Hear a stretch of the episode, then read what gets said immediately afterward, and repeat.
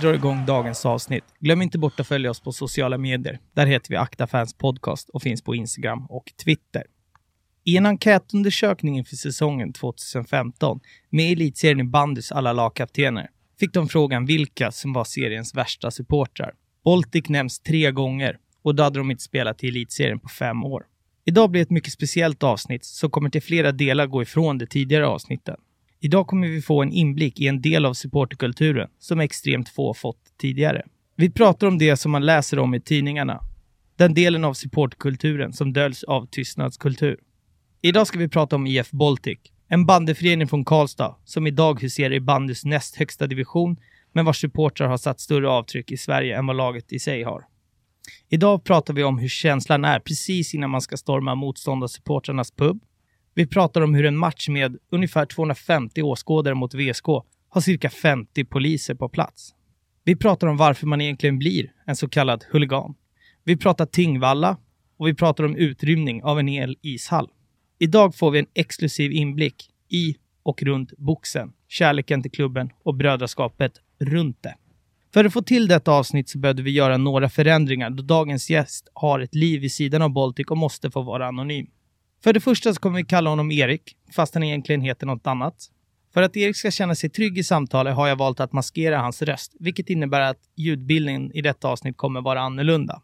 Man får tycka exakt vad man vill om denna sidan av supporterskapet, men det finns där och det ska bli superintressant att få prata om det. Välkommen till Äkta Fans Podcast, Erik. Tack så mycket.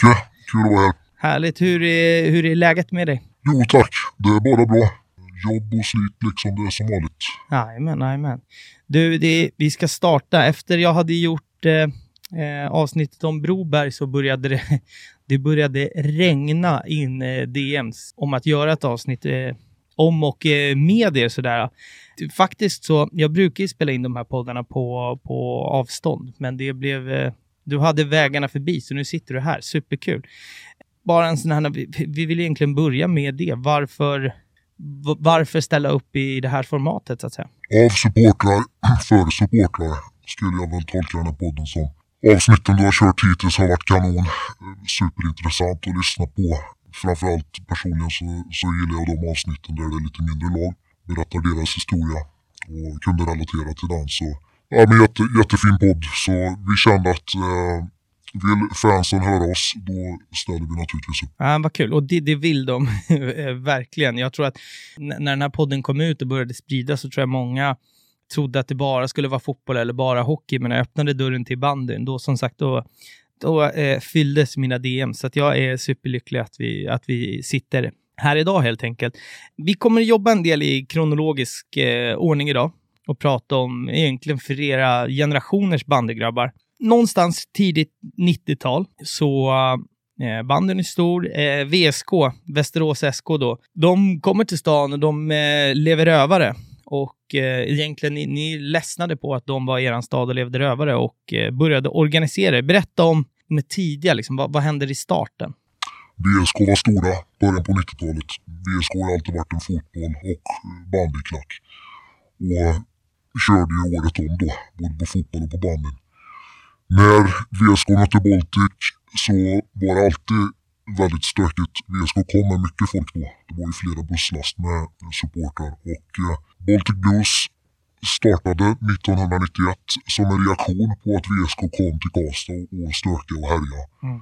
Och folk, eh, nej, folk hade ett sug och, och slåss liksom. I princip så startade. Så att eh, under de premisserna sjösattes Baltic Blues. Mm. Och, och som jag förstår så är ju tidigt 90, om man tänker eh, scenen så, som har växt fram, det har ju växt fram lite vad ska man säga, interna regler och, och dos and don'ts sådär, men som jag har förstått så, så tidigt 90-tal så har man inte riktigt hittat vad som är rätt och fel och det är stökigt och blodigt.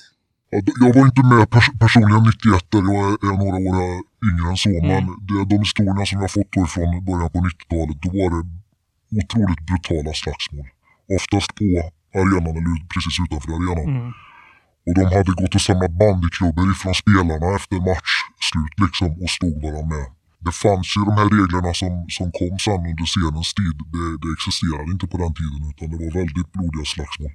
Eh, och många av de gubbarna som var med då säger att det är ganska skönt ändå att det kom lite regler sen som blev anammat för samtliga. Utan det, det kunde ha gått väldigt illa och gick väldigt illa för vissa personer tidigt 90-tal. Mm. Och jag antar att det var samma i Stockholm på fotbollsläktarna då. Det var ganska brutala saker som ändå var samma på banden. Då. Ja, jag, jag ska ju också tillägga att jag är ju Pratar vi 91, det är året jag är, eh, är född, men den, det som jag har fått, förutom att man hör historier, så, så man kan ju bara läsa eh, till exempel boken En av grabbarna, där det beskrivs innan, innan man satte liksom, hur, hur ska det här de facto gå till. Så, så man slog ju varandra med det man fick tag i egentligen, vilket är då, då var det ju mer än att göra upp, då blev det ju någonting annat helt enkelt.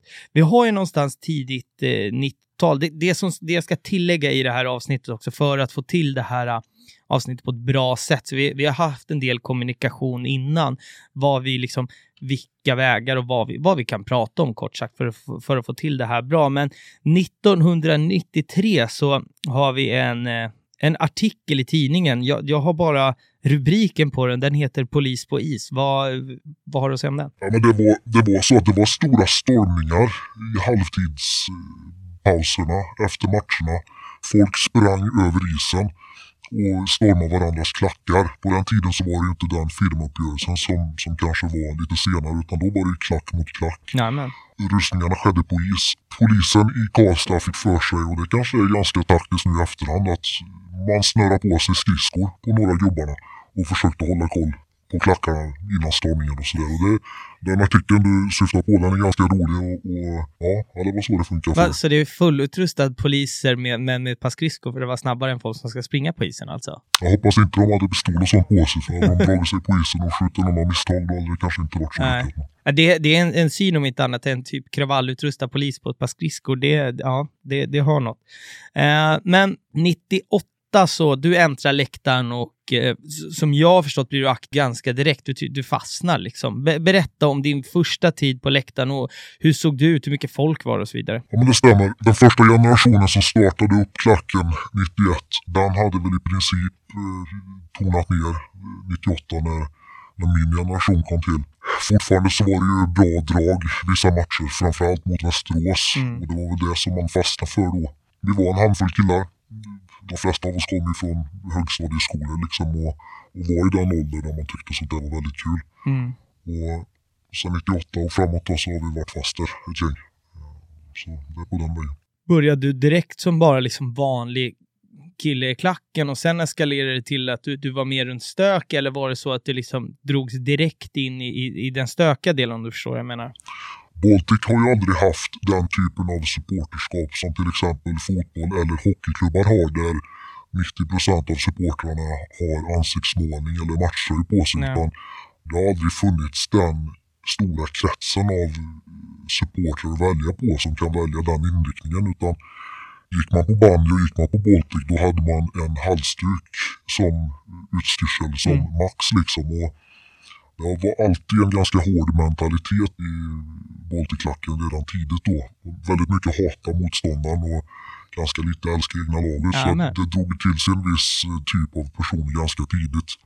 Sen våra, vå- vårat gäng i den åldern, vi var ju liksom inga fullfjädrade boxare liksom. Vi hade ju knappt fått uh, hår på pungen då utan det tar ju alltid några år i klacken innan man träffar rätt liksom. Och Mm. väl samma för oss då. Mm, jag fattar. Det, det som händer i alla fall, det här och nu har det ju liksom någonstans börjat bubbla, men jag tror det som händer i, i hela Sverige, dels casual-scenen hade ju, det började ju långt tidigare med att, med att folk åker över till, till, till England och man tar in mycket från den kulturen och sen eh, det här är ju innan min tid, men 92 va, så har vi mycket engelsmän i Sverige, ett EM och folk tar influenser och, och så vidare. Men det, det är ju en förhållandevis ganska liten klick som åkte kors och tvärs till England. Det som händer någonstans, jag vet inte exakt vilket år det här är, men tidigt in på 00-talet så släpps det ju eh, två filmer som gör det... d- Där går det någonstans från att vara vissa som är casual till att det blev, i alla fall klädmässigt var det supertrendigt och jag vet hur det var här i Stockholm, där gick alla runt i, i liksom Stone Island och, och, och, och sådana här märken. Green Street Hooligans och Football Factory. Om, vi bara tar de filmerna, vad, vad gjorde de för, för dig och ditt supporterskap? Ja men otroligt mycket. Football Factory kom väl 2003 så den var väl några år före Mm. Green Street Hooligans. Och det var väl i den åldern då som just den här fotboll casual-kulturen och den ide- identiteten Mm. verkligen greppar taget om oss då. Eh, sen har vi ju även, det var ju då, då funkar ju internet liksom och du kunde vara inne på Sverigescenen och läsa forumen där och vad som Mm. hände i Stockholm. Så vi blev ju fast i detta också. Precis som i Stockholm, i Karlstad, Mm. i mellanstora städer i Sverige så, så dök det upp Burberry-kepsar och Stone Island-tröjor. Alla leder ju inte kulturen fullt ut om man säger så. Nej, men det var faktiskt min, min nästa fråga, för att jag vet ju hur det var själv. Alltså, om, om vi pratar här då, vi säger 2005 då till exempel. Jag är, är 14 då. Jag var fortfarande jag var fotbollsgrabb, jag var inte kategori C-supporter så, men jag menar, man hade ju en del casualkläder för att man tillhörde ju den kulturen så att säga. Men jag vet att i alla fall i Stockholm, om, om jag 2006 hade på mig en, en Stone Island-tröja så kom, och inte levde upp till den tröjan så kom det ju folk och i princip tog patchen av mig eller tog min Burberry-keps. Eller, eller, alltså så var det ju runt om, i alla fall i Stockholm. Var det lite samma i, i Karlstad på den här tiden? I Karlstad var det nog snarare att hade du en Stone Island-tröja på dig då visste folk att du var en Baltic Sporter Mm. eller något liknande. Vi har ju inga rivaliteter i vår egen stad på det Nej. sättet som det är i Stockholm eller Nej, kanske sant. Göteborg också. Utan i Karlstad så, så kände alla, alla också som hade Mm. den här typen av kläder. Utan vi hade inte just de problemen så att säga. Nej, det var inte så att man gick på, liksom, på en fest och sen stod det någon som man inte kände till med en Stone Island-tröja och bara- så gick man och frågade. För så, var det ju liksom i, i, i Stockholm. Men det, jag inser det när jag, när jag ställer frågan, att det, det är väl eh, en skillnad när man inte har samma rivaliteter in i, i stan, så att säga. Men jag har, jag har ju försökt att, att få ihop där och, och bygga ett avsnitt kring, kring den infon och det vi har pratat om innan. Liksom. Men som jag förstår hur ni liksom organiserar er och, och, och starta har ni gjort tidigt 90-tal, men hur ni tar nästa steg är att eh, VSK, som, som vi kommer återkomma till många gånger under avsnittet, som blir de, de stora konkurrenterna så att säga och antagonisterna, de tidigt 00, de kommer till stan, de lever rövare lite på er bekostnad och eh, vad ska man använda det? De pissar er i ansiktet. De flera händelser här, men, men de respekterar inte er kort sagt och ni, eh, ni ruttnar på det här och, och känner att eh, ni, ni är små när de är i stan och eh, börjar organisera er. Är jag rätt på det om vi bara börjar där? Alltså hur ni organiserar er? Ja, men helt rätt i sak. Jag skulle inte ens säga att de pissar på oss för vi fanns inte ens Nej. på det sättet på den tiden. Baltic var ju ändå bra då. Vi spelade i elitserien, vi mötte Västerås minst två gånger per säsong. Mm. Kanske till och med en kvartsfinal om det gick bra. Mm. Så att vi stötte på Västerås i Karlstad i alla fall en gång per säsong. De gjorde precis som de ville. Mm. Den, den handfull supportrar som ändå reagerar på att varför är våra ärkerivaler så pass uppkäftiga och, och stökiga här utan att någon gör någonting. Vi fick ju nästan bestämma oss för att nej men vi kan inte ha det så här längre. I samband med att vi växte upp, i samband med att kulturen, Football Factory-generationen kan Mm. man kalla det, Mm. tog ett grepp om oss så var vi ett gäng killar som kände att nej men vi vill, vi vill leva detta nu. Vi vill leva detta livet och vi kommer följa våran klubb. Gå hela vägen om det så krävs liksom. Därav så började vi organisera oss smått i klacken. Vi är så pass få så att det finns liksom ingen, du kan inte välja om du ska vara med i firman eller om du ska vara med i Ultras eller om du ska vara en, liksom en Djurgårdssupporter utan vi var så pass få så att alla körde allt liksom. Det var Ultras casuals eller vad man ska kalla det Ja, liksom. men- Eh, första åren, jag kan tänka att det var 2002, så mötte vi Västerås i en kvartsfinal. Vi var inte mer, vad kan det ha varit, 20 personer i en klack i en kvartsfinal, vilket Mm. är skrämmande lite liksom. I bandy är det inte jättelite, men, men då var det lite. Och plötsligt i andra halvlek så står det tre killar nästan längst ner som ingen känner igen. Ja, Och okej. eftersom vi är så pass få så blir det ändå, okej vad är det för killar? Det kul att få lite nyrekrytering. Mm. Men de här killarna började dra upp sina grönvita halsdukar under jackorna och sjunga med VSK-klacken på andra sidan planen. Mm. Och det var egentligen det här som är startskottet på hela vår eh, organisering. För då kände vi någonstans att ska de till och med få ställa sig i våran klack utan att någonting händer? Nej, det ska de inte. Det blev stökigt. Det blev lite slagsmål. Det blev till och med en matchvärd som kom ner och klappade till en västeråsare.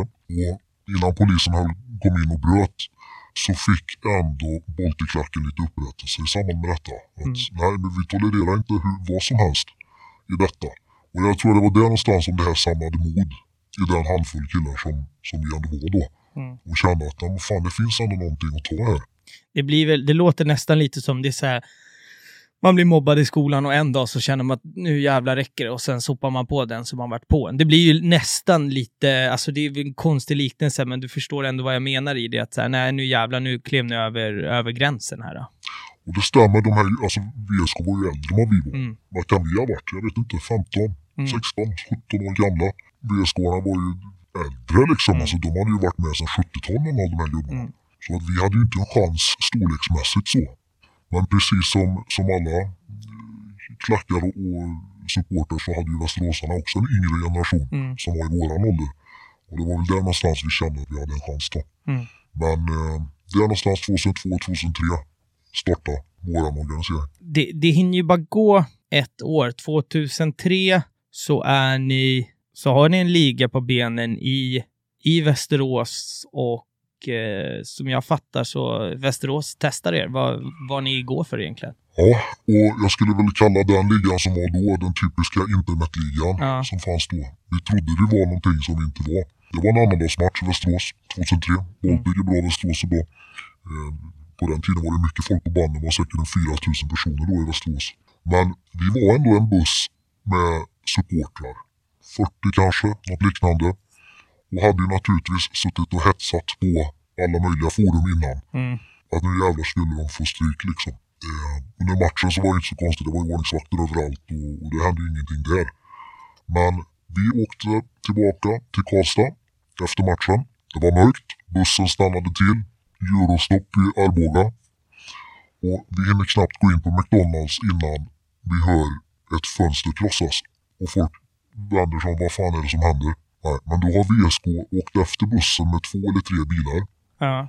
stormat ut, klappat till de första personerna de såg som inte hade kommit in på McDonalds än och stormade entrén på McDonalds. Och det fick vi någonstans stå och försöka hålla emot de här killarna liksom. Alla vi som hade varit kaxiga på internet Mm. och skrivit hur coola vi var. Då var vi inte lika tuffa längre. Nej. Utan VSK-arna tryckte till några gubbar och sen begav sig tillbaka till sina bilar och åkte hem med segern i behåll naturligtvis. Mm. Och vi skämdes såklart. Satt vi längst bak i bussen på väg hem sen. Nej men det, det räcker inte att sitta och skriva att man är tuff på internet. Alltså man måste agera också när det väl kommer till krita, kritan. Så redan där så tror jag att den första gallringen skedde liksom. Vilka gubbar var det som klev fram mot västeråsarna? Vilka var det som ryggade tillbaka? Mm. 2002, 2003. Jag tror att man behöver ta några smällar innan man faktiskt är rätt på hästen där. Det, det tror jag också. Det, det vet man ju bara. Så jag kan ju bara tänka, alltså så många som går runt på, på en, ett, ett Råsunda på den här tiden och är studsiga och uppkäftiga var på det in få procent utav dem som, som verkligen eh, ställer sig upp i när det väl brinner till så att säga. Men sen har vi ju det, det som det vi är inne på egentligen nu, det här, vad ska säga att det är ett eget kluster sådär, är ju en liten uppstartsfasen utav er. 2004 så, så är VSK i, i stan, de är i Karlstad, ska möta er och eh, glider runt på stan och är eh, ja, men väldigt stöddiga. Det är som att de är på hemmaplan och skiter fullständigt i egentligen er existens. Vad, hur, vad, vad händer här? Berätta. Och då har vi ändå en samling. Och då tror vi att vi är en fullfjädrad firma. Mm. Och det är den här kommunikationen du har med de killarna som du tror kommer komma. Men VSK kommer komma. Vi vet det. Samling här och här. Och i slutändan så är det inte ens hälften som dyker upp som har sagt att de ska komma.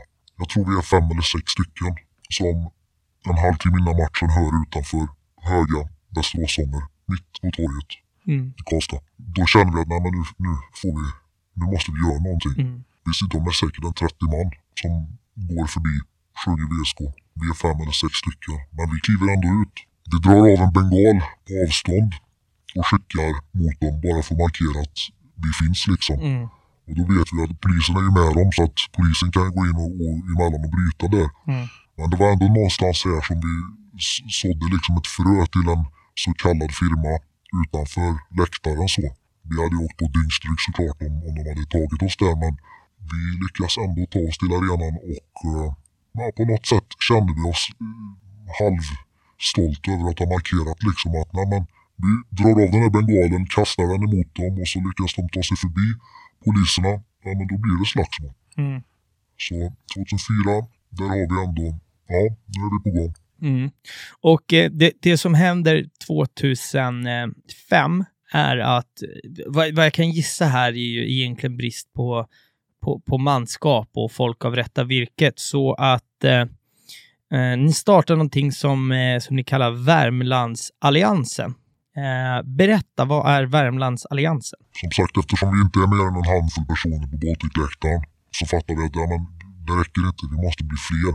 Eftersom vi inte har några rivaler i bandy lokalt sett, det finns Mm. liksom inga motståndare här utan vi har en hockeyklubb, Färjestad, vi har en fotbollsklubb, Degerfors och vi har en hockeyklubb till, Bofors, som Mm. ligger en liten bit bort. Man har ändå snappat upp då på internet liksom att det finns vissa som sitter och skriver på olika forum att men vi är taggade här och vi är taggade här. Och på något sätt så lyckas vi samordna alla de här personerna till, en, till ett möte faktiskt. Mm. Kunde diskutera då första gången vi träffades egentligen face to face att fan, vi kanske skulle slå ihop våra krafter för att ändå bli liksom ett, ett gäng som kan försvara vårat län, som Mm. vi kallar det då, försvara Värmland emot eh, inkräktare. Det faktiskt blev ett resultat av detta. Den första uppstyrda boxen skedde sommaren 2005 och då var det faktiskt en mix utav Baltic, Degerfors, Färjestad och Bofors killar. Några stycken i varje gäng Mm. som under namnet Värmlandsalliansen organiserade box mot Norrköping, Linköping i samband med Degerfors och Färjestad-matchen. Mm. Och framförallt ett relativt stort och det första egentligen, den första paybacken mot Västerås Mm. sommaren 2005. Och det här, äh, vad, vad jag kommer ihåg här, äh, det här sprids ju, det börjar, folk börjar inse att man kan filma och lägga upp på, på YouTube och sådär. Så att det här, det här spreds ju sig som en, som en, eh, en, en löpeld sådär. Men kan du berätta, alltså första gången, jag, jag, jag, jag inser ju så här att i, i det här läget så du, du som individ är ju så här, kommer jag fram till dig på krogen och börjar tuppa, då du är inte den människan som, som backar för att ge en en smäll på käften. Det är man ju. Men första gången ni ska åka, ni har styrt upp ett, ett box. Vad är första boxet ni styr upp? Kommer du ihåg det? Vi har kontakt med Västerås Ja. inför matchen Degerfors-Västerås. Ja. Det här är juni 2005, tänker Ja. jag. Och vi har, vi känner att nej, men nu, nu, vi åker dit. Mm. Vi styr upp någonting med dem. Vi sätter oss i ett par bilar och så åker vi. Vi har ju ändå samordnat nu styrkorna här så vi är på gång. Och då är det så här att vi är så otroligt översvärmade av Football Factory-kulturen liksom. Mm. Du klär dig rätt. Du beter dig på rätt sätt för att vara en äkta casual som man kan kalla det då liksom. Du lever in i liksom kulturen Mm. fullständigt. Sen är det ju så att alltså, vi var inga boxare eller kampsportskillar överhuvudtaget. Nej. Utan det var ju liksom vanligt. Vi samlade ju dem i klacken som tyckte det var roligt att hetsa och härja liksom. Det var ju i princip den Ja. nivån på, på slagskämpar det var. Det är ju helt annorlunda idag liksom. När Ja, alla tränar kampsport och dopar sig liksom. Det, är- det, en, det är en helt annan nivå. Utan då var det typ att de som vill vara med får vara med. Mm. Du lever in i den här kulturen så pass mycket och du har sett de här olika klippen. Det kom ju klipp från Stockholm nu Mm, ja, ja, hade kört och, och man satt liksom och pumpade för de här klippen. Man tyckte det var så fruktansvärt roligt att, att se på. Man ville vara en av de som var, var med i ett sånt här box liksom. Ja, känslan var då, Alltså om du tänker, det, det, det jag vill, om vi ska här baka ner det, ni har bestämt det, nu, nu händer det. Hur är du när, du när du vaknar på morgonen, första gången ni, ni ska till Västerås och nu, nu smäller det. Hur, vad är känslan i, i, i kroppen när du vaknar på morgonen, när du sätter dig i bilen? Alltså för en som inte vet, hur, hur är känslan där? man är upprymd. Man känner att man ska få göra någonting man verkligen vill. Mm. Du ska få ta ett steg in i, i din identitet. Du ska liksom fullgöra dig själv om man säger så. Mm. Det var nog den känslan man hade då i början. Eh, Samtidigt så är det ju blandat med väldigt mycket nervositet. Mm. En del rädsla. Du vet inte vad som kommer hända. På den här tiden så var det framförallt hur många kommer de vara? Mm. Hur stora och starka kommer de ha äldre med sig? Eh, jag tror scenen var ganska ren ifrån vapen liksom, så det var ganska överenskommet att det var ingen som skulle bli knivhuggen liksom. Det var inte på den nivån men du visste inte riktigt vad som skulle hända så det var ju lite av tjusningen också naturligtvis. Mm. Och sen står ni där, äh, ni gissar på en kan man, parkering eller på en äng eller ni har ställt upp er. Ni ser, där står ett annat gäng och, eh, och har ställt upp sig. Det är, vi säger att det är en minut kvar tills du, du har tänkt på det här länge, du har stökat lite på stan, man har liksom velat vara en del av kulturen. Vad händer i kroppen? Du vet att nu, nu har vi fått till det här. Det är ingen snuthäng. Du har dina grabbar, där är deras grabbar. Nu jävlar är det dags. Liksom. En minut kvar. Hur, hur känns det då? Alla känslor du kan beskriva egentligen är att du är upprymd, du är nervös. Du känner någonstans att vad fan håller jag på med? Vill jag verkligen vara här? Du hör bakom dig personer som uttrycker sin rädsla. De vill gå därifrån. De vill bort ifrån situationen. Och någonstans då så får du fråga dig själv, vad, vad är du gjord av? Mm. Nu står jag här. Jag har tagit mig hit av vilje. Jag vill vara här nu. Då går det inte backa liksom. Nu har jag ju för fan levt den här kulturen. Då är det dags att kliva nu. Mm. Och det är där någonstans du får liksom samla tag i, i bollarna liksom. Okej, nu kommer de framför oss här om en minut. Mm. Det sista jag kommer göra är att springa härifrån. De kan slå ner mig. De kan sparka på mig. Det skiter jag i. Jag kommer i alla fall inte ha sprungit. Det är den, den känslan tror jag som de flesta är ute efter Mm. och, och även genomlider. Men på den här tiden, vi visste ju inte vilka som skulle kliva och vilka som skulle Nej, springa. Det nej. var ju hälften sprang bort eller stod längst bak och inte utdelade ett slag i slutändan. Mm. Det var ju faktiskt få av oss som faktiskt klev in och började leva liksom. Alla, alla ville ju vara en del av det men det var inte alla som kunde leva upp till det. Det, det är väl en rädsla. Jag, jag, kan, jag kan tänka mig så här, jag tror, att vara där är nog jättehäftigt med just rädslan att, att det kommer göra ont, att man, vad, vad ska hända, att man blir skadad, hur ska jag gå till jobbet imorgon om man blåklocka? Jag tror många sådana där tankar finns. Men ni smäller ihop första gången mot, mot eh, Västerås. Vad kommer du ihåg? Eller blir det en sån i, i liksom, när man är i ett uppstyrt box, är det bara blackout och det är tunnelseende rakt fram eller kan man vara närvarande i situationen och faktiskt veta vad man sysslar med? Just den här känslan första gången, första boxet här. Du känner en stolthet över att du faktiskt var den som klev fram först. Mm. Du lyckades slå ett slag eller du lyckades sparka någon. På den här tiden det är inte ens i närheten av hur duktiga de är på att slåss nu liksom. Nej. Nu kan de ju på riktigt skada folk med, med våld liksom. På den tiden så hade man tur om man lyckades slå någon på käften liksom. Det var ju på den nivån i alla fall för oss som var yngre liksom. Mm. Så att det var ändå känslan att ja, jag klev, jag lyckades slå några slag och jag blev inte allvarligt skadad. Mm. Det är en seger liksom. Sen vilka som sprang eller inte i slutändan, det var inte det viktiga utan det viktiga var att man, man var där och körde. Mm. Ja, det, du, du, du får liksom bekräftat din identitet sen efteråt. Mm. Och den bekräftas av att dina vänner och du är glad. Den bekräftas när man kommunicerar på olika forum. Den bekräftas av att det antingen det kanske står någonting i tidningen. Plötsligt så är du en del av någonting. Och när vi var yngre liksom, det var ju det, var ju det här vi levde för. Mm. Sen nu när man sitter som ja, en medelsvensson så, så kan man ju lite skratta åt det men för oss, är det, för oss så var det då i alla fall en, en väldigt stor del av vårt liv. Mm. Ja, men det, det, det förstår jag. Och det, det som är intressant, jag, alltså är man intresserad utav, utav eh, just scenen så där, det, det är ju det är en ganska stängd och det folk, folk pratar inte om det eh, överlag. Ja, det är därför jag är så glad att vi kan sitta och, och prata om det här idag. Det är trots allt jävligt unikt och det är få människor som har öppnat den här dörren. Men jag har, jag, jag bara kan slänga iväg en vild gissning på att du också har eh, läst igenom en av grabbarna, stämmer? Ja, det var ju som en bibel då när Ja, den släpptes. Jag kan tänka mig det. Eh, nej, men det. Det som är intressant i, i den, som, som jag kommer ihåg en, en del ifrån den, var hur, hur folk, det är lite det du beskriver, hur, hur folk har varit så otroligt stöddiga. Folk som är uttalat bra fighters, som är med i krogslagsmål och det är liksom inga konstigheter för det här. Men just när man står där äh, och man ser en motståndarmobb som, som sätter fart, som springer i full, liksom full fart mot den i ett raseri, hur, hur han, eh, författaren av en av grabbarna beskriver att han har sett dem, att de har liksom helt förstelnats och eh, egentligen bara blivit helt översprungna. Blir det så, så att säga, om man tänker när man ser folk, alltså hur är känslan? Jag, jag vet inte hur jag ska formulera frågan, men känslan av att stå där, man ser en jävla massa människor som, och deras enda mål är att skada en. Alltså, vad händer i kroppen? Självklart, är man inne i det så vill man kliva fram själv, men hur, hur får man bort rädslan? Precis som du säger att i de här situationerna så är det ju verkligen att skenet kan bedra. Ja. De killarna som du kanske tror är de som kommer stå längst fram och slåss som galningar.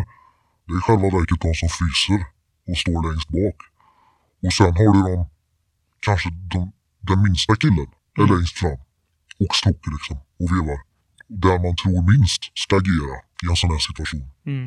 Så det, det är precis som du beskriver där att du har ingen aning om när det väl smäller vem som, vem som kommer agera och inte agera. Blir man bättre på, för jag tänker att och om du går och tränar, fan vet jag, MMA eller boxning eller så, då, då blir du ju bättre på att fightas en, en mot en så att säga.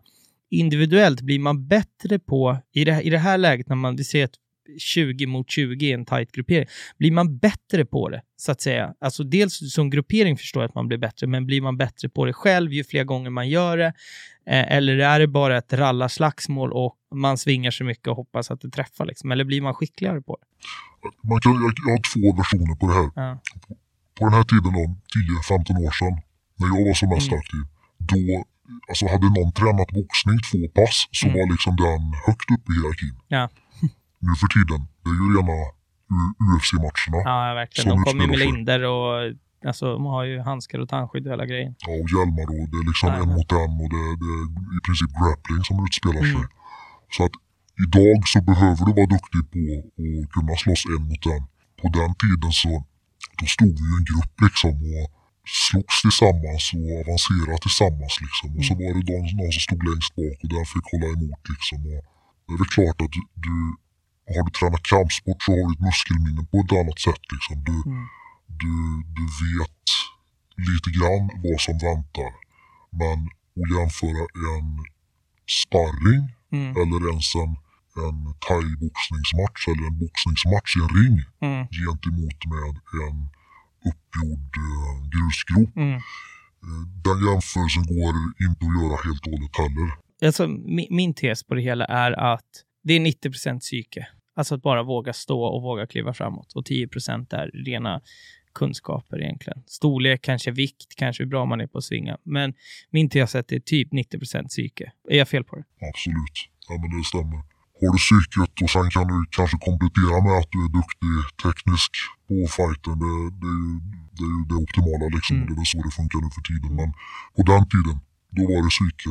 Och hade du inte psyket, då kunde du supa eller ta droger liksom för, Mm. att, för att våga. Då. Eh, och och det, det som händer här är egentligen, i och med att ni börjar styra upp, och det här, det här alltså det sprider sig som en löpeld egentligen i, i, i hela Sverige. Från att det kanske var de största klubbarna som hade, hade firmer, så, så hade ju de mindre klubbarna också. Det som, man, det som föds här är ju vad som kallas alternativscenen. Vad, alltså, om du ska beskriva, vad, vad menas med alternativscenen? Alternativscenen var ju den, de, vad ska man säga, de klubbarna som inte hade en chans på de stora firmorna. Mm. Och det är ju inget snack om det. Jag vill ju understryka det att den lilla liga som, som vi hade i Karlstad, det, är liksom, det, går inte ens, det är olika dimensioner gentemot vad Stockholm och Göteborg och, och de stora var. Mm, Liksom. mm. Det, det måste understrykas. På inget sätt så vill jag jämföra oss med dem. Men alternativscenen var ju liksom, vad ska man säga, andra ligan till detta. Där de mindre klubbarna, de mindre lagen, de mindre firmorna kunde mäta sig mot varandra. Nej, det var, det var kul. Vi åkte runt i halva Sverige och, och hade box och då var det 10 mot 10, 15 mot 15 kanske och sådana saker. Och sen så såg man upp till de stora lagen när de drabbade 100 mot 100 och sådär. Och, och hade man tur så fanns det ett filmklipp att kolla på. en, en fråga som, som, som dyker upp och det, det jag funderar jättemycket på inför det här avsnittet är så här, ska jag sitta och moralisera runt det här och, och liksom döma om det här är rätt eller fel eller sådär. Och det, det vill jag egentligen inte göra för att någonstans så, det här har under, under de 20 plus åren som jag har gått på, på, på AIK, det har alltid funnits, det kommer alltid finnas, det är där. Och jag vill bara mer prata ur dem, eh, alltså om det ger en, ska jag säga, fakta, faktasynpunkt sådär. Men det, det finns ju många som, som i tidningar eller, eller, så där säger att men de, de förstör bara för, för klubben och, och moraliserar runt det. Vad har du för liksom, vad, vad har du för svar på, på det? Eller alltså, vad, vad, vad har du att säga om det? Jag är tudelad nu efter några år. Man har liksom man har gått den här vägen. Man har levt det här livet. Eh, man väljer andra vägval kanske senare. Mm. Vi, alltså ränderna går ju aldrig ur en tiger om man säger så på Nej. ett sätt. Men det man ska förstå det är ju att boxen i sig, det är ju för att vi som är där på plats vill slåss. Mm. Vi gör det i klubbens namn. De flesta av oss är supportrar. Vi älskar klubben. Och vi lever det här livet som, som finns i alla länder. Framförallt fotboll liksom. Att det, det finns en casual-kultur. Du slåss för din klubb. Men man ska heller inte missuppfatta det för att det är en, det är en egoistisk handling. Som vi som supportrar gör i klubbens namn. Mm. Vad förlorar klubben på att ha en, en stark huliganliga vid sin sida? Det kan vara en hel del. Jag vet att IF Baltic har förlorat mycket sponsorpengar på detta. F- Får man dåligt samvete för det? Till viss del. Vi kände, vi kände då att vi stod över klubben just i det här valet. Liksom, vad vi gör i klubbens namn, det, det får vi göra eftersom vi representerar klubben. Men jag förstår ju mycket väl att en, en styrelseordförande eller något liknande har en annan syn på saken. Mm. Så är det ju. Så att det är väl också den här gamla frågan grusgrop eller matchdag. Vart ska det köras liksom? Jo, men, och det har ju blivit mycket bättre med åren. Jag menar, när jag började gå på, på fotboll till exempel och hockey, då var det ju alltid stök inne på arenorna. Jag kommer ihåg de, de stökigaste matcherna var ju så här, AIK Hammarby, hockey på Hovet fram till så här 2000 pers. Det var så lite folk, eller många gånger så var det mycket folk, men Bayern sålde ju liksom, de var 300 man eh, och varav 150 grabbar. Så där stökades det ju friskt inne på läktarna, eh, även på fotbollen. Men det blev ju bättre sen just för att klubbarna tog så mycket stryk av det i form av tappade sponsorintäkter, böter och så vidare. Och sen, alltså, jag kan tycka att vissa, alltså vissa stökigheter förstår jag inne på läktarna. Sen liksom, ska man prompt slåss 100 mot 100, men skit i att göra det på läktaren. Alltså fan, gör det i en grusgrop. Och vad folk gör i en grusgrop eller på parkering i, i någon liksom i något industriområde någonstans, det kan omöjligt vara klubbarnas namn. Oavsett vad, om det står Baltic på er tröja så kan inte det vara klubbens alltså, fel, utan då är det ju samhället och en polisiär sak. Så att det, det, det kan man egentligen inte bråka om vad fan folk gör. Så, alltså förstår du vad jag menar? Ja, och det är det här det blir lite problematiskt. Att du kommer aldrig få den känslan som när du har ett upplopp på matchdag i Nej. samband med matchen. Det blir så otroligt intensivt och du representerar din klubb till 100% just då. Mm. Har du en grusgrop liksom mot en klubb som, jag vet inte vad, någonstans någonstans där du har inte ens en match i närheten liksom. Det blir, det blir en annan känsla och en annan situation då. Men det är ju det här som kanske avgör vilka det är som inom situationstecken riktiga supportrar och inte. Mm. Känslan du får när det är ett, ett, eh, en kravall liksom i samband med matchen. Det, det, den känslan slår allt liksom. Samtidigt som det skadar klubben om det blir media Ja grejer då. Alltså när, när man kliver in i det här vanligtvis så är man ganska ung. Man har inte så mycket att, förlora. Men sen går ju åren och hur är det att ha ett, man kanske har ett familjeliv, man har ett jobb och jag kan bara tänka utifrån mitt eget, eget liv. Skulle jag ha det här till exempel så skulle jag vara jävligt nervös över så här, ja, kul att vara med i box, men tänk vad, vad händer om jag ska till jobbet på måndag och kommer med en liksom, bruten handled och en blåklocka? Vad händer om jag åker fast? Vad ska jag säga till morsan eller vad ska jag säga till jobbet? Är man inte rädd för de sakerna eller skiter man lite i eller? Men det, är väl lite så att det blir en naturlig övergång sen när man blir 30 och, och man, de som nu har småbarn och, och sådär. Man, det lugnar ner sig Mm, automatiskt. mm. Alltså det, det finns ju konsekvenser med att leva det här livet. Mm. Eh, 100% också. Ja, det kommer vi komma in på lite senare också, vad, hur, hur, det, hur det kan gå sådär. Det, det jag ville, liksom, det, det vi har varit inne, det är väl också som, som ett eget segment, det är väl lite så hur, hur livet är som, som, som grabb, som vi, eh, eh det uttrycket som i alla fall jag är, van att, eh, att använda. Sådär. Men det här, eh, den här nystarten och de här hundåren så att säga, när, när ni har startat upp och organiserar er, Värmlandsalliansen är på, på fötter, slutar ju med att det är eh, annandag bandy 2005 på klassiska Tingvalla och det blir ett jävla liv kan man ju uttrycka det. Berätta. 2005, annan dagen hemma mot Västerås. På den här tiden så var Baltic bra också. Mm. VSK var väldigt bra. Väldigt mycket folk. Tusentals åskådare. Vi var på gång då. Vi hade ju haft ett par, tre uppstyrda box under sommaren, under hösten. Och hade den största samlingen som vi dittills hade haft. Vi var säkert 25-30 killar liksom som var, eller som, som, som såg oss som, Mm, mm. som casuals. Och hade en samling på en pub i Karlstad. Vi visste att Västerås var på väg. Man skulle komma med tre bussar varav deras yngre generation satt i en av bussarna. Vi tar oss till våran arena, fina Tingvalla isstadion och ser att polisen, ordningsvakter har radat upp. Det har aldrig varit så mycket sådana på plats innan. Mm. Men alla de här står borta vid entréinsläppet. 20 poliser, 20 ordningsvakter. Det de inte förstår det är att när Västeråsbussarna ska rulla in på arenaområdet så måste de in innan entrén liksom. Det är en, en stickväg in Mm. Mm. som man uppenbarligen har missat här. Men det har ju naturligtvis inte vi gjort. Vi var ganska taktiska, det var väl våran fördel då. Eh, Att vi visste ungefär hur man skulle placera sig för att få till någonting. Så vi hade radat upp oss här bakom en stor snöhög eller något liknande. Stod i åsyn då, när Västeråsbussarna rullade in. Den första Västeråsbussen som kommer, naturligtvis av en slump är det med deras yngre generation i. Mm. Vi ser på 20 meters avstånd att de ser oss och de börjar banka på rutorna och bussen tvärnitar. Vi ser hur buss, bussdörrarna sparkas upp och det rusar ut västeråsare. Mm. Då är det inte bara deras yngre generation utan det är ju alltså VSK-klacken Mm. rusar ut. Detta är en 150-200 meter ifrån närmaste ordningsvakt och polis. Mm. Så de rusar ut ifrån bussen, vi står samlade i 25 gubbar.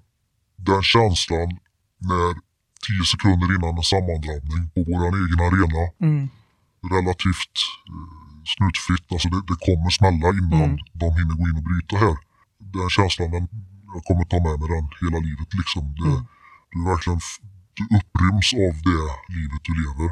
Det blir en så otrolig kick av att se dig själv, dina vänner kliva fram. I det här fallet mot, mot större och äldre Mm. västeråsare. Och ge och ta lite smällar och det går folk i backen och folk ramlar i snöhögar.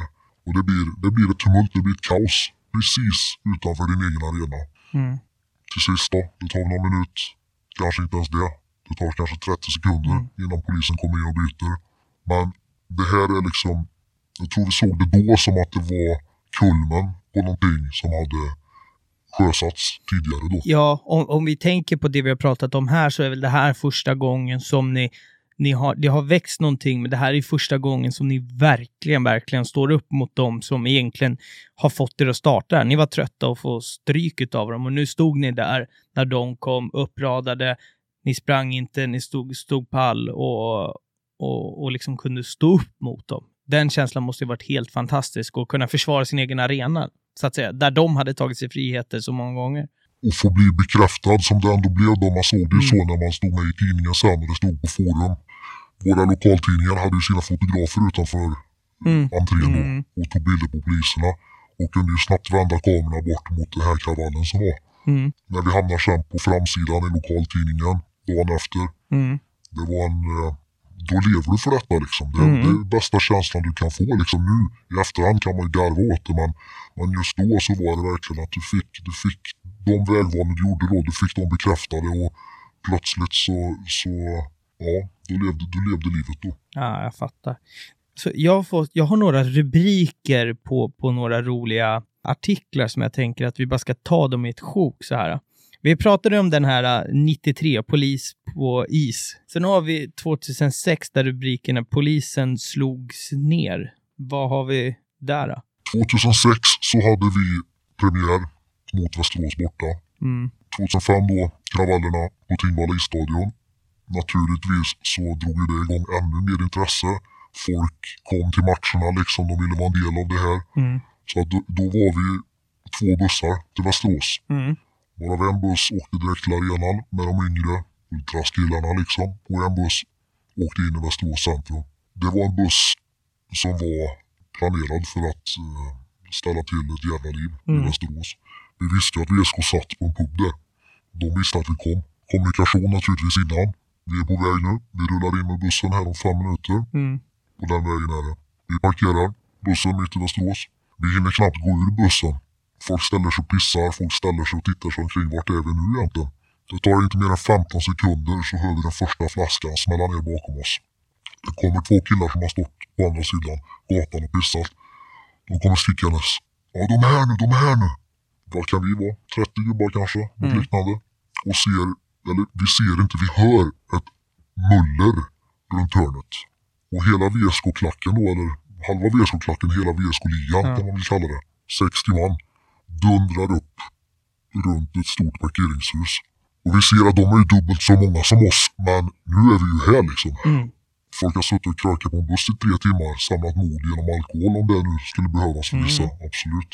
Och det går inte att springa nu. Vi är mitt i kärnan. Det är bara att kliva nu. Det blir ett stort upplopp. Det kastas flaskor, det kastas cyklar. Det är slagsmål. Mitt i det här så är det två civilpoliser som åker på stryk. Okej. Missnogs för att vara västeråsare. Det är kravaller säkert i en och en halv minut och det är ganska mycket för att vara Ja. nästan hundra personer inblandat mitt i en stadskärna Mm. innan polisen kan, kan gå in och bryta detta. Det slutar med att folk tar sig till arenan genom småvägar. Det uppstår mindre box på vägen liksom. Det, alltså, ligorna är ju helt splittrade Mm. liksom. Mm. Eh, ingen känner igen någon liksom utan det smäller till höger och vänster. Summa summarum är att även inne på arenan sen så är det en, en ordningsvakt och en polis som blir nersparkad faktiskt ifrån läktaren ner på, på isen i princip. Och det är det den här bilden som du refererar till visar på också. Mm. Hela den här kvällen slutar med att jag tror det är fyra eller fem personer som faktiskt blir dömda för våldsamt upplopp i båda leden. Mm. Mm. Också det blir liksom kulmen på någonting som har byggts upp under några år och eskalerat fullständigt liksom. Jag tror att eh, det var nog ett av de, de större upploppen som vi hade Mm. när vi var som mest aktiva då. Sen eh, eh, hoppar vi vidare till nästa artikel. Här är ju någonting som går lite positivt ordalag å andra sidan. Vi pratade lite tidigare om att de har tappat sponsorpengar och, och sånt här, men 2008 så är rubriken eh, annat. Rubriken är att ni räddar säsongen ekonomiskt med 100 000. Berätta. Ja, men vi kände väl lite att det var dags att kompensera för alla pengar som det hade kostat klubben. Ja.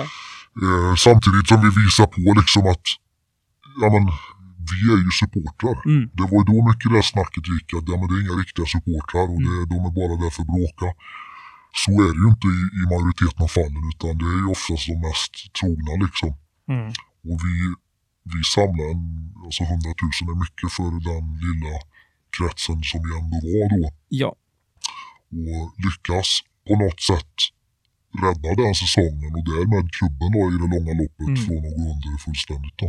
De behövde ha de här pengarna för att betala någon skatteskuld eller vad fan det var. Det var Baltic har alltid haft problem med ekonomin så men vi lyckades samla ihop pengar och, och många av oss gick in med stora belopp för att visa vår kärlek. Liksom. det, det ska man också tillägga. Anledning, en, en stor anledning till varför jag, varför jag vill göra det här avsnittet. Dels så, så är det intressant för, för er som lyssnar, men sen, sen är det också så här att jag har många goda vänner som, som har varit grabbar genom åren.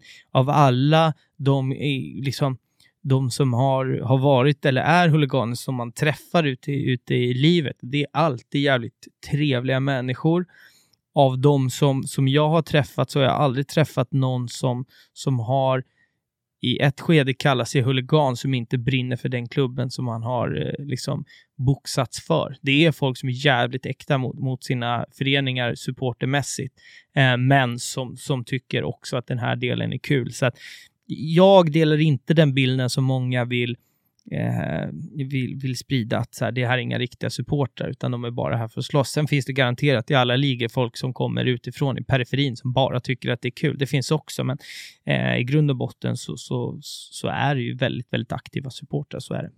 Sen har vi 2009 en annan eh, artikel som är attackerade motståndarspelare efter matchen och en stenad buss. Berätta, vad är detta? Ja men då blev det liv. Och det är ju även, då passerar man ju även en gräns som egentligen är okej. Mm. Alltså vi spelar ju bandyns andra Ja. liga liksom. Baltic var ju inte bra på den här tiden. Och, och i, i, det säger sig självt, bandyns andra liga, det finns ju inga motståndarsupportrar.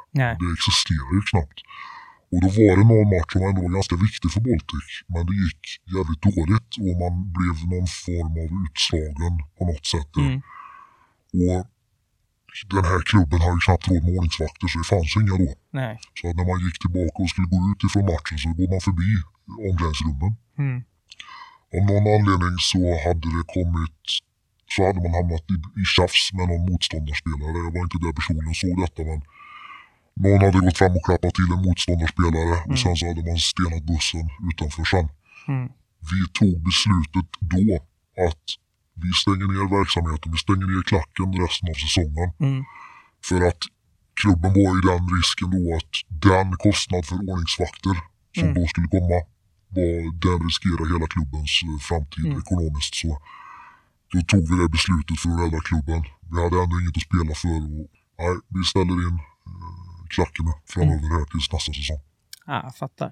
Sen har vi en sista mm, artikel där eh, hela hallen fick utrymmas, men den kommer vi faktiskt komma in på eh, lite senare, så den eh, tycker jag att vi, vi, vi pausar eh, så länge helt, eh, helt enkelt. Det som dessvärre har, har hänt hos er, ni har ju en, en, en ganska tajt kärna, men eh, ni har dessvärre haft en del dödsfall hos er.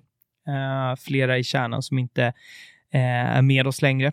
Eh, vad har du att säga om eh, Urban och Krille och eh, någon till där? Ja, Men det, det är väl så i livet liksom att tyvärr folk går bort när de är lite för unga för att egentligen gå bort. Och, och, alltså, vi har ju vänner och bekanta till oss, som i detta fall, som har gått bort för tidigt. Och Urban och Krille var ju verkligen en, en kärna i klacken och goda vänner till mig personligen också. Mm. Så att jag skulle vilja hedra dem med, med all den kärlek de förtjänar. Jättebra killar liksom, men jättetråkigt att de tog, tog oss ifrån oss för tidigt. Då. Jag, jag tänker att så, så som jag har förstått, nu, nu ska jag inte på något sätt säga att det här är människor som jag känner, men som, som jag har förstått så, så känns det extremt fel att, att ha ett sånt här avsnitt och, och vi ska prata Baltic här idag om, om, om hur det har uppkomsten och, och egentligen ja, nästan till 30 år av Baltic, då, då, då ska vi trots allt eh, nämna dem och, Ehm, och, och minnas dem och, ehm, och sen gissar jag på att det är eh, många utav er och vad vet jag, kanske någon, någon familjemedlem till, till och med som, som lyssnar. Så vi skickar en tanke och, och, och minns dem helt enkelt. Eh, och en, en helt annan fråga är ju sådär att det är ju många som, som, som är inom, inom scenen och sådär, de, de lever ju ganska liksom så här, Vissa lever ganska trasiga liv, man, man lever eh, hårda liv, det är, det är, man krökar mycket, det finns mycket droger eh, i- inblandat och sådär. Hur, hur är det här runt, liksom runt en, en, en sån här gruppering? Men det är väl så i alla typer av supportersammanhang att du har bortamatcher. Det är ju inte nyktert på en bortamatch. Det förstår alla som har varit på en bortamatch att det dricks mycket. Du har samlingar innan hemmamatcher på pubbar. Det dricks.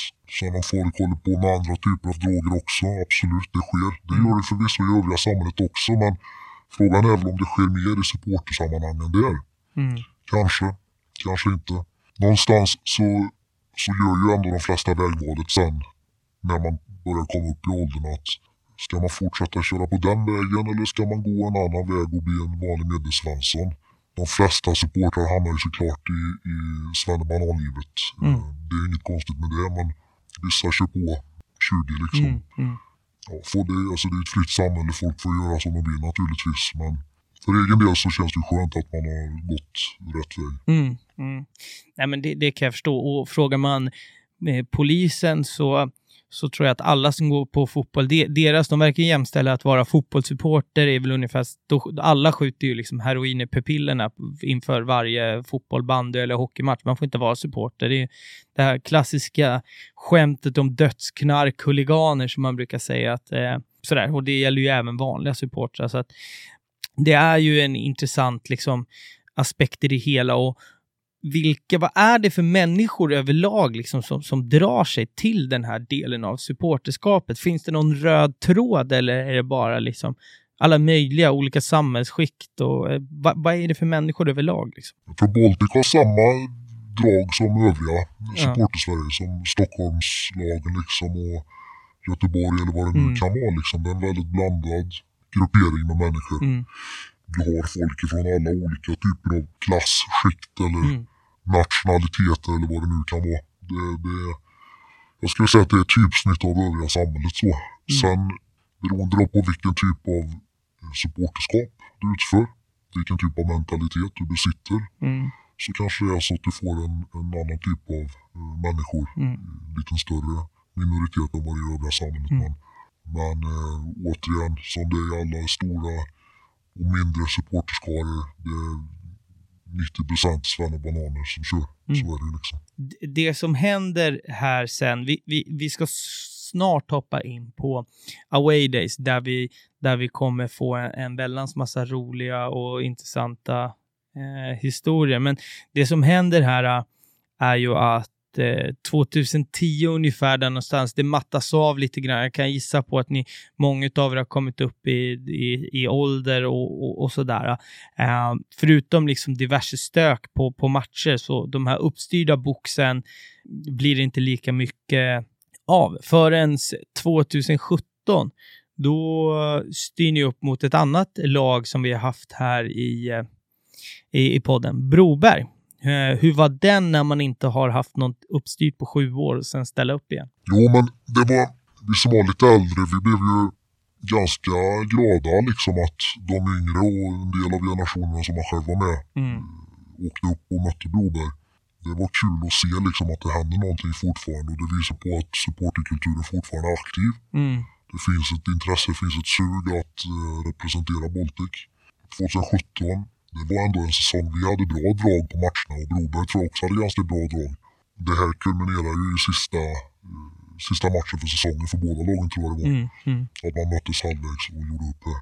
Det det gjorde framförallt det var väl att det sådde ett frö för de yngre som åkte med oss upp då till att starta skogsfirman som Mm. våran yngre generation ligister nu kallar sig. Vi kommer prata lite mer om dem eh, lite senare sen, eh, sen också, eh, tänker jag. Men jag tänker att vi... Eh, det, det är ju ett litet annorlunda upplägg på, på, på dagens avsnitt. Och här, vi ska in på away days nu och här tänker jag att vi, vi ska lägga eh, mycket tid där vi, där vi faktiskt ska få höra ja, men det som många har läst i tidningarna ska vi få höra hur det faktiskt var att vara där. Vi pratade om den här VSK eh, borta när vi har en 4-5 dömda för eh, upplopp egentligen mot, mot polisen. Sen har vi 2007 eh, away mot Gustavsberg. Vad händer där? Ja, men den är lite mer rolig och lite mindre våldsam om Mm. man säger så. Det var första året som vi spelade i bandens andra liga. Vi hade Mm. ändå varit ett elitserielag fram till säsongen innan när vi åkte ut. Mm. Och det här var den första bortamatchen i allsvenskan som man kallar bandens andra Mm. Vi var två minibussar gånger nio personer då, så Mm. nästan 20 stycken på plats där, varav några Stockholms Baltic-supportrar också Mm. mött upp till ja, Karlstad Stockholm, tre och en halv timme. Fylla. Mm. Kommer till en liten, liten klubb, Gustavsberg bandy. Där, det ligger förvisso i Stockholm, men de har inte en aning om vad som väntar. Man har inte ens ett riktigt insläpp där, utan det är någon sån här eh, plastband som man ska försöka stå efter och följa. Liksom. Mm. Systembolaget ligger ju tydligen bredvid den här parkeringen också, så det är ju första stoppet. Folk köper på sig grejer. Det finns ju inga grindar, det finns ingenting. Folk går ju rakt in i entrén, Mm. kliver rätt över det plastbandet och ställer sig på läktaren. Folk har inget ont uppsåt utan ja, men det är väl ingen som vill ha betalt tänker man, utan man bara går upp och ställer sig på läktaren. Matchen kulminerar ju såklart i att det blir ännu mer fylla i och med att man har varit på Systembolaget innan. Mm. Och förutom att det rasar folk på läktaren, det, det spys och man lyckas då kasta flaskor i berget som är ett citat ur DN dagen efter. Och betett sig otroligt illa. Och det är just det de tänker på det, det är att DN har ju varit där och gjort ett reportage om Baltic då, hur det är att vara en stor klubb och ramla ner en serie. Mm. Och det DN-reportern får, se, får syn på det är ju ett gäng, ett 20-tal personer som beter sig ganska så illa liksom. Mm. Mm. Och tar någon, något citat ifrån en, en anordnare från Gustavsberg där som förklarar att det är bland det värsta hon har sett. Hon har aldrig varit med om något liknande. Mm. Hon har nog inte kanske varit med om så jättemycket då kan man ju slänga en vild gissning. Ja, det här är nog vardagsmat kanske i Stockholmslagen. Kanske. Eh, sen har vi 2008, då bränner ni till Tillberga. Här så, den, det, här, av, av, den här verkar också rolig, alltså bara av det jag har läst eh, inför. Här har vi att vi, det rivs en toalett och en polis blir mulad med typ en mosbricka. Eller ja, berätta du. Återigen, det här är Västerås nya inomhusarena. Mm. 100-200 miljoners bygge. Helt nytt för oss då liksom. Mm. Det byggdes upp inför den säsongen. Där har man ju stora fina toaletter liksom. Tidigare så var det väl i princip bajamajor man hade. Mm. Men vi var en buss hit eh, framförallt för att det var Västerås även om vi mötte Västerås eh, syskonlag Tillberga som det hette då mm. i andra serien. Folk har ju stoppat i sig inte bara alkohol utan lite andra grejer också. Går fullständigt loss på en av de här toaletterna i halvtid. Uppjagad av polisen naturligtvis för det var otroligt mycket poliser och vakter där. Det här är bara någon säsong efter de stora upploppen som har varit. Mm. Orsakar kostnader på flera hundratusen i slutändan som Västerås då tycker att Baltic ska ta som mm. förening. Mm. Men Baltic lyckas ju prata sig ur detta för att det är återigen där hur mycket ans ansvar ska en klubb ta för sina supportrar på en bortamatch och så vidare. Mm. Mosbrickan får en av vakterna rätt i ansiktet på läktaren i andra halvlek. Återigen, perfekt timing ifrån en lokal fotograf som lyckats ta detta på kort. Den här bilden vill jag ha. Den tycker jag att vi ska lägga upp på Instagram. kan bli en kul bild. Jag tror ketchup och senap rinner längs skägget på den killen. Så. Ja. ja, intressant. Sen har vi 2009. Då gissar jag, här har jag att det är Guys Away och då gissar jag att det, det är ju den här äh, Värmlandsalliansen. Då gissar jag på att det är Degerfors som ska spela mot eh, Gais va? Nej, faktiskt inte. inte. Det var faktiskt Gais bandy som på den här tiden var ganska bra. Ah, okay. Så det var Gais Baltic, eh, faktiskt eh, de två topplagen i den här serien den mm. säsongen. Och vi åker från Karlstad, en minibuss med killar. Minibussen havererar halvvägs i Trollhättan. Det är väl en och en halv timme till matchstart. Mm. Och då, blir, då går ju tankarna, men vad fan gör vi nu? Ska vi ta tåget hem? Eller ska vi satsa på att ta tåget ner till Göteborg istället? Mm. Mm. Ja men det går inga tåg. Tiderna är för dåliga. Ja fan vi ska på matchen i alla fall. Ja det är klart vi åker ner. Hur löser vi det? Kollar upp första bästa taxibolag. Hur mycket ska ni ha för att köra sju gubbar ner till Göteborg från Trollhättan? Ja men 2000 spänn. Fast pris. Bra, vi kör. Sitter och skramlar ihop de pengarna. Taxin kommer bara efter en kvart så att vi hinner nästan till matchstart. Mm. Dundrar in på Gais läktaren. Går förbi dem. På något sätt så har vi alltså lyckats haverera med en minibuss halvvägs men ändå tar oss till matchen. Kör bara överkropp hela matchen för att fira detta i snöväder. Mm. Också naturligtvis filmat utav Gais TV eller vad man nu kallar det. Ja. Någon lokal tv-station där nere som lyckades få detta på bild. Och, och sen vet jag inte hur vi lyckas slå hem sen men vi, jag tror vi trocklar in oss i spelarbussen och, och någon annan supporterbil som var där. Så ja, det var en av de roligaste. Jag tror till och med vi fick lämna kvar två killar att de inte fick plats. Så de bodde kvar i Göteborg den natten. Okej, okay, okej. Okay. Sen har vi eh, VSK Away 2010. Här har vi en, eh, en tränare som, eh, som surrar en, en jäkla del innan. Jag har inte riktigt greppat vad det är som händer. Berättar du? Och 2010 och säsongen innan det, det är väl egentligen den enda framgången som min generation supportrar har fått uppleva. När vi började gå på bandy så var vi hyfsat bra. Mm. Sen åkte vi ur och spelade i andra divisionen ett par säsonger. Sen gick vi upp mm. och det var den här säsongen efter vi hade gått upp som vi hade Västerås borta premiär. Mm. Premiär precis som det var premiär för fyra år tidigare när det blivit upplopp i centrum. Så att den här matchen var också väldigt upphaussad ifrån ordningsmakt mm. och så vidare. Vi eh, är ändå två bussar, bra gubbar. Mm. Eh, vi har ju gått och hypat för detta hela året i princip. Matchen i sig är väl ingen rolig historia. Baltic förlorar ju. De förlorar med tvåsiffrigt. Mm. Men vi lyckas ändå skapa rabalder. Mm. Och det blir efter matchen kravallartade scener. Mm. Och västeråsarna lyckas stena våran buss på vägen hem. Men de lyckas ju såklart stena fel buss utan de tar ju den bussen med blandad sponsorbuss och, oh, och sådana saker. Så är det den här matchen för övrigt där det är, alltså, som jag fattat så är det någon match där det är typ 250 pers på en match och det är typ 50 snutar. Var, var, vilken Den har, den har jag glömt bort här, men vilken match är det? Bara... Ja men det är den andra matchen, motsvarigheten, alltså våra match på hemmaplan samma säsong. Ah, okej, okej. Som är den sista matchen där. Den, den, den situation som egentligen beskriver hur vi hade det då Ja. ganska väl. För du kan tänka dig att Baltic är en bandyklubb. Mm, Det är inget fotbollslag, det är inget hockeylag utan det är en, en bandyklubb. mm, Vi har ett publiksnitt på 300-400 personer mm, totalt. Inte klack eller Mm. firma eller något sånt utan totalt. Så kan du jämföra med en Stockholmsklubb som har 15-20 tusen mm, i publiksnitt. Just den här matchen då när vi möter Västerås i sista matchen. Vi har ju åkt ur så länge liksom. Baltic är ju totalt värdelösa på plan men vi som Baltic-supportrar, det här är det vi lever för. Det vi levde för då. Så vi har ju naturligtvis en stor samling. Vi är många, absolut. Och när vi kommer till arenan så möts vi av någonting. Vi har ju aldrig sett, sett något liknande heller. nej, Vi har alltså 50 poliser och 20 ordningsvakter på, vad var vi i klacken? 150 kanske. Mm. Och några hundra extra i publiken. Det är ju gulvästar precis överallt. mm. Hundar, bilar. Det är som om det skulle vara ett krig på gång.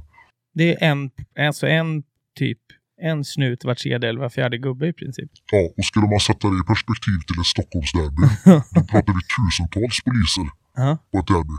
ah, ja.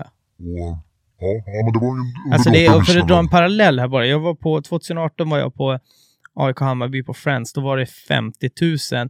Det är väl ungefär som att det skulle vara 15 000 poliser. Alltså på, på den matchen. Det är helt, eh, alltså, det, ja, det går inte att föreställa sig. Eh, ja, eh, sjukt. Nej, jag ville bara ta in den för jag, för jag har hört, hört talas om den så att säga. Sen, eh, sen kommer vi till en, en 2015 Gripen Away och här så utryms en hel arena faktiskt. Berätta. Alltså, vi har ju alltid stått för att bandy ska spelas utomhus. Mm. Det är ju en tradition. Bandy, bar is, minus 10 om det så behövs. Mm. Eller snöoväder, eller regn. Mm. Det är bandy för oss. Det är mentalitet. Det ska inte vara uppdukat liksom, som hockeyn i en Nej, hall. nej. Men senare år så har ju bandyhallar ploppat upp i Sverige också. Och det är klart att det ger bättre förutsättningar för träning Mm. och för att få bättre matcher. Gripen i detta fallet hade en ganska ny hall. Mm. Och med de här nya hallarna så är det naturligtvis brandlarm också. Det är ju inte utomhus utan vi kan ju bränna av hur mycket pyro som helst utomhus utan att det blir några konsekvenser. Mm. I det här fallet så tror jag någon brände av en bengal och det var inte så farligt tyckte vi liksom. Det var lite rök eh, upp i taket så. Men tio sekunder efter han hade bränt av den här då började brandlarmet tjuta. Alla förstod ju vad det var. Det var ju den här bengalen. Men alla tusen personer på matchen, det var ju bara att ta sig ut genom närmaste ingång. Larm- Brandlarmet tjöt ju så att det liknade ingenting. Återigen, ett himla liv att vi förstörde bandyn och vi förstörde allt vad det var liksom. Men Mm. ja, det var väl en av de gångerna som, som vi har tagit pyro inomhus. 2016 så är ni tillbaka, ska möta Tillberga. Och vad jag förstår här så ja, ni tar VSKs pub innan. Det stämmer. VSK har ju alltid varit ute med att de sitter på en pub innan matcherna. De har en samlingspub ganska nära arenan. Och vi håller ju så koll, vi håller koll på VSKs flöde på sociala medier. Mm. Även om vi inte har mött dem på sex år i det här fallet så håller vi koll på vad de sysslar med. Och just den här puben i, i sammanhanget, då vet jag att VSK hade ju haft sin kvartsfinal eller något liknande bara någon vecka innan och hade varit jättefräna med att det var samling på den här puben och de hade bilder och filmer därifrån och det här var deras ställe. Mm. Och att Tillberga mötte Baltic just den här dagen, det var ingen nyhet för någon. Ja. VSK visste om det också. Mm. Alla visste om att vi skulle spela där. Det var ju pådrag, det var poliser, det var allting. Men vi lyckas ta oss in genom personbilar in i Västerås utan att få span på oss. Mm. Slinker förbi den och etablerar oss på den här puben två timmar innan matchen och liknande. 15-20 gubbar. Sen får vi, det är lite roligt då, sociala medier och sådär utan då börjar det plinga till i, i Instagram-kontona som vi har Mm. med bilder på oss utifrån puben, Mm. ifrån bilar. Då sitter de och tar kort på oss. Vågar inte ens gå ut ifrån bilen så tar kort på oss genom rutan. Och tycker vi är såna jävla fitter som inte har meddelat att vi ska komma liksom. Mm. Och tar deras pub. Så VSK vet mycket väl om att vi är där. Men nöjer sig med att ta, ta bilder genom bilfönster. Och för att markera att de ser oss. Det betyder ju ingenting utan vi, ja men kom då i så fall. Mm. Det var väl den jargongen som var men det dök inte upp några västeråsare på hela den marschen ner till arenan eller efter matchen heller. Hur, hur kändes det efter alla år att ha dem som antagonister? Att åka till deras stad, sätta sig på deras pub. De vågar inte komma. Då går man ganska... då känner man sig ganska stor va? Ja, men då är det en jättebra känsla för då är det som, som du säger, va, du har i många år gått och varit deras lillebror Mm. och de har kunnat göra vad du vill. Och sen så vänder detta Mm. efter några år och plö- plötsligt så är det du själv som är herren på täppan och VSK får finna sig i vara lillebror. Mm. Det är klart att det, det, det är en bra känsla så. Mm. Sen har vi ju 2018. ÖSK Away, är det, pratar man, alltså för mig är ÖSK Örebro SK. Är det, är det det vi pratar om eller är det något an, ÖSK någonting annat i bandy? Nej, I bandy mot Baltic så är det samma sak. Ja.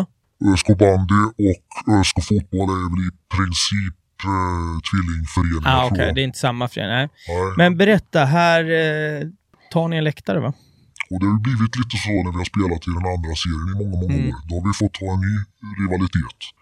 Och Baltic Örebro blev den rivaliteten. Mm. Vi ligger ganska angränsande varandra och Örebro bandy var ganska bra också på den tiden. Så vi hade några duster där. Och 2018 så, så har Örebro en samling med en 30-40 gubbar. Mm.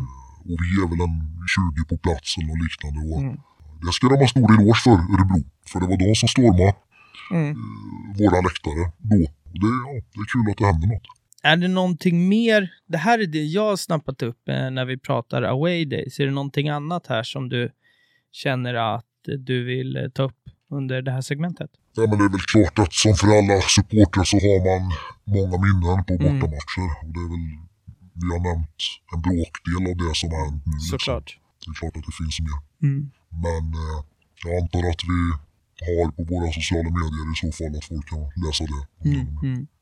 Första gången jag personligen snappade upp er, eller Baltic överlag, jag, jag har följt diverse konton på, på, på Instagram och, och, och sådär. Och för några år sedan så började det dyka upp ganska ofta. Det var en, liksom en term som flög förbi. Jag kunde inte sätta vilket lag de tillhörde. Jag bara såg skogsfirman eh, lite överallt och de verkade vara sjukt aktiva. Mindre box, inte kanske de här eh, traditionella, de här större sammandrabbningarna, men 9v9, 10v10, skogsdungen någonstans.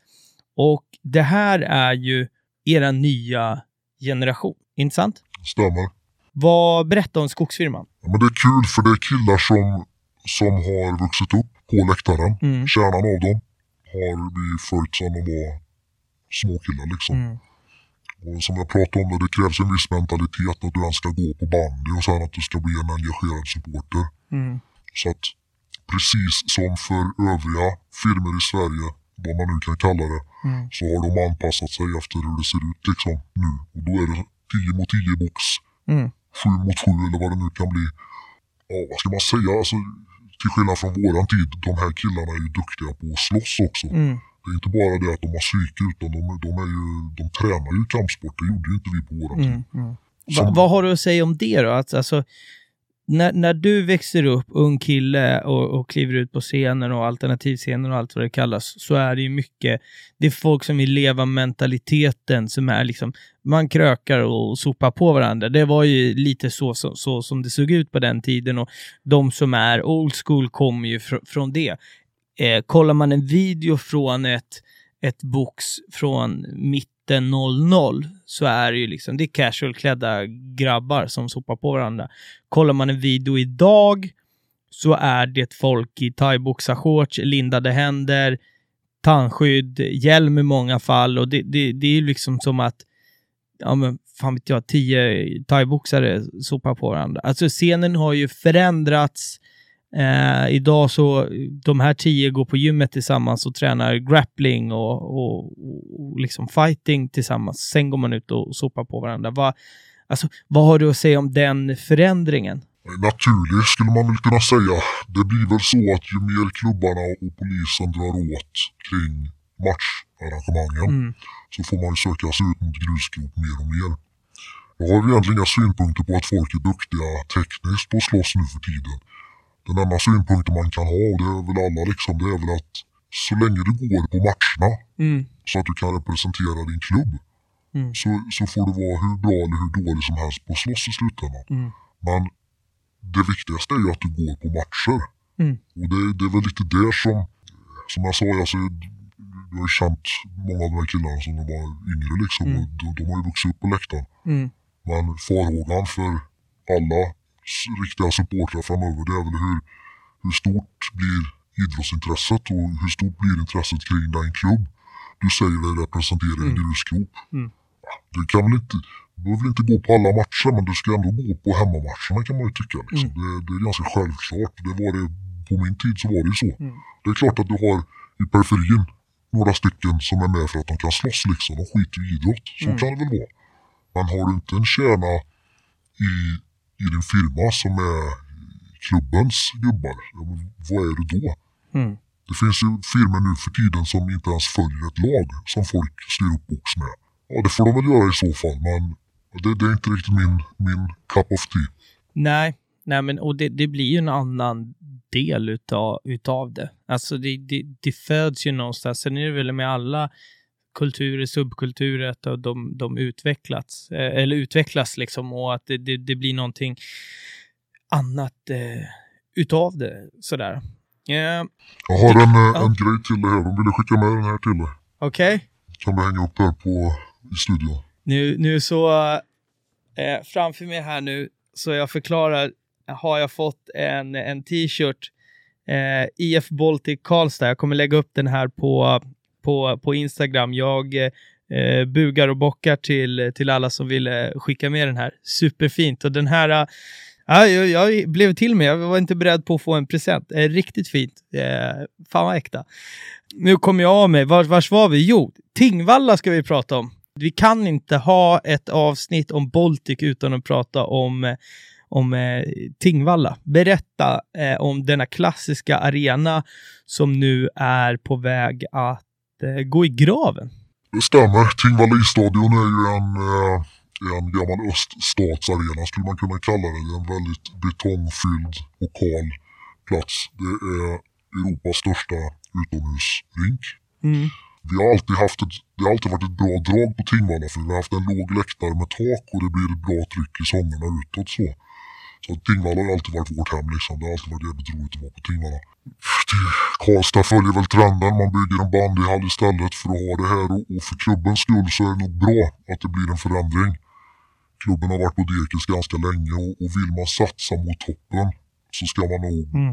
eh, skaffa en bandyhall så man kan få rätt träningsmöjligheter och så vidare. Så att som supporter, ja, det är tudelat. Vi vill ju stå på gamla fina Tingvalla liksom och sjunga våra ramsor men, men som klubb och, och för framtiden så, så är det nog tyvärr bra att få en halv. det, det som har varit sen, sen jag började med den här eh, med, med podden så har man ju, jag startade poddens eh, Instagram och började liksom följa massa konton och eh, det som har varit fan en röd tråd i sen eh, ja, några avsnitt in är ju dels som jag sa i introt att ni började dyka upp, att jag fick förfrågningar eh, om att så här, fan gör Baltic, prata med Baltic, prata med Baltic och den senaste tiden så det Instagramflödet har ju, har ju fyllts utav eh, ja, med minnen och grejer runt just det, Tingvalla, att den är på väg att eh, liksom gå i, i graven.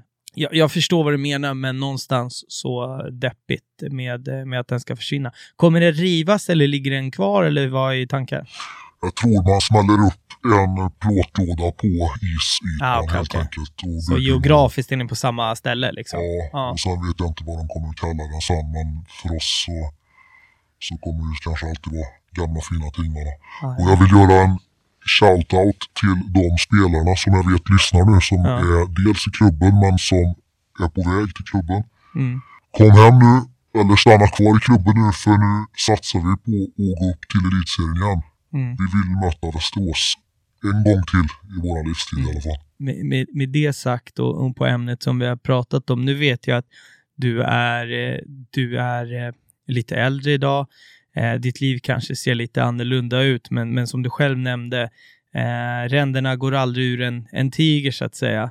Vi säger att Västerås står på schemat inför nästa säsong. Målen ha, eh, liksom, målbilden med att gå upp eh, har gått i mål och ni, eh, ni, eh, ni ska få möta Västerås på nya Tingvalla alternativt i, i Västerås. Vad, vad känner du inför ett sådant möte? Åker du dit som en lugn supporter eller kan du inte hålla dig ifrån det gamla livet så att säga?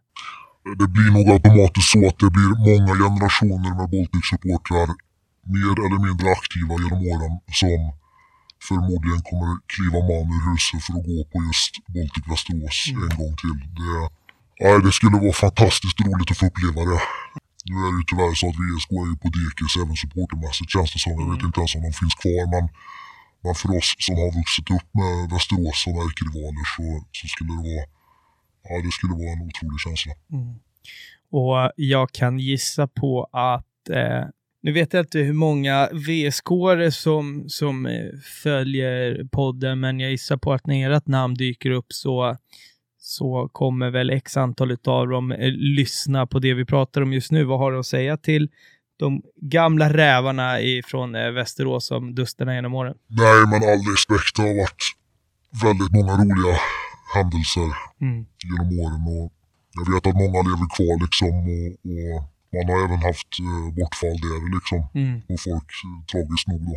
Nej men jag tror att de skulle nog tycka det var kul att, att göra en stor samling inför Baltic hemma eller Baltic borta någon mm. gång framöver också. Då blir det en polis per, på, per tre gubbar kanske, vad vet jag. Ja, det, sta, det, det stannar nog inte det.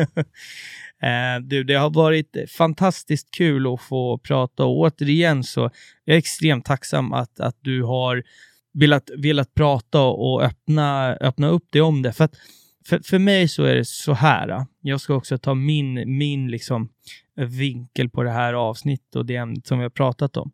Jag är uppväxt på Råsunda på Norra Ståplats. Min pappa tog mig dit när jag var åtta år gammal. Uh, för mig så har alltid det funnits om man ska säga kategori A, B och C-supportrar. Det är ingenting som är konstigt. Jag är, det, det, är liksom, det är normalt. Och min bild har alltid varit att de som klassas som kategori C-supportrar är jävligt trevliga människor. Det är extremt stora supporterhjärtan på dem och det är någonstans därför jag vill göra avsnittet. Dels för att man ska få en bild av, av dig som du är inte bara någon dåre som gillar att sopa folk på käften. Du brinner för Baltic och har alltid gjort det. Du är uppväxt med klubben och, och du följer klubben. Fortsatt sådär. Så att, och återigen, så det här är en, en, ett ämne som, som väldigt få har fått en insyn i eh, och jag är eh, väldigt tacksam. Dels till dig som är här, men jag gissar på att det här är ett gemensamt beslut mot de som har Eh, varit med runt det vi har pratat om. Så extremt stort tack till, eh, till er också helt enkelt. Eh, det här har varit ett lite annorlunda avsnitt. Vi har, vi har hoppat eh, några segment och haft lite annorlunda upplägg, men en, eh, en sak som jag inte tänker vrida på är den sista frågan som jag alltid ställer till alla. Vad är supportkultur för dig? Ja, livsstil skulle jag säga när du är som mest aktiv. Du lever för klubben. Nu är det ju så att många av oss är ju äldre nu, alltså det är andra prioriteringar i mm. livet.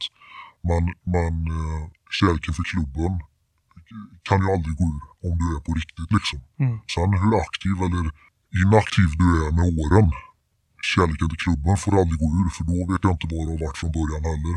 Nej, men så, så är det. Supporterkultur är eh, återigen, vi landar i det nästan varje avsnitt, att det är unikt. Det utövas på, på extremt eh, många olika sätt, men det är någonting fint och något som vi alla ska kämpa för. Innan vi tackar för dagen, har, har du någonting som vi, du känner att vi har missat här, någonting du vill tillägga eller någon story som vi inte har pratat om? Eh, vad som helst, ordet är fritt.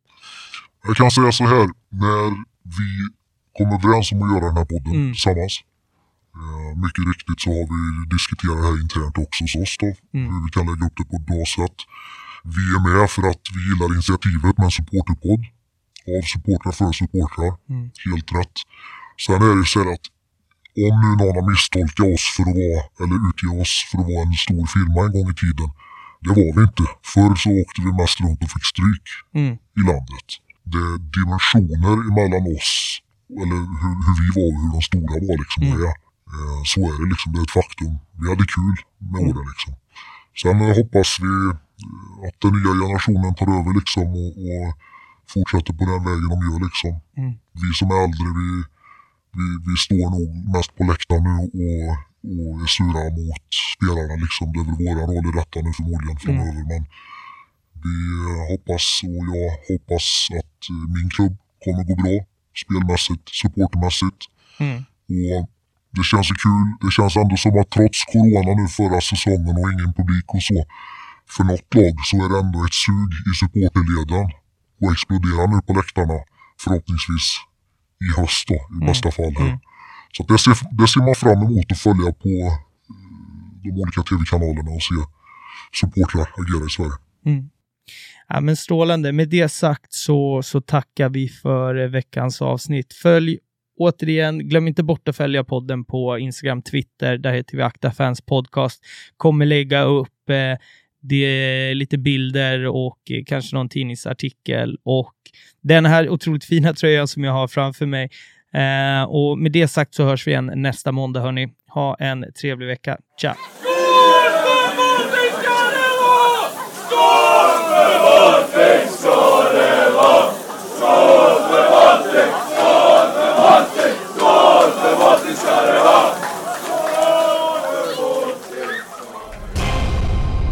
I samarbete med Esen Studio.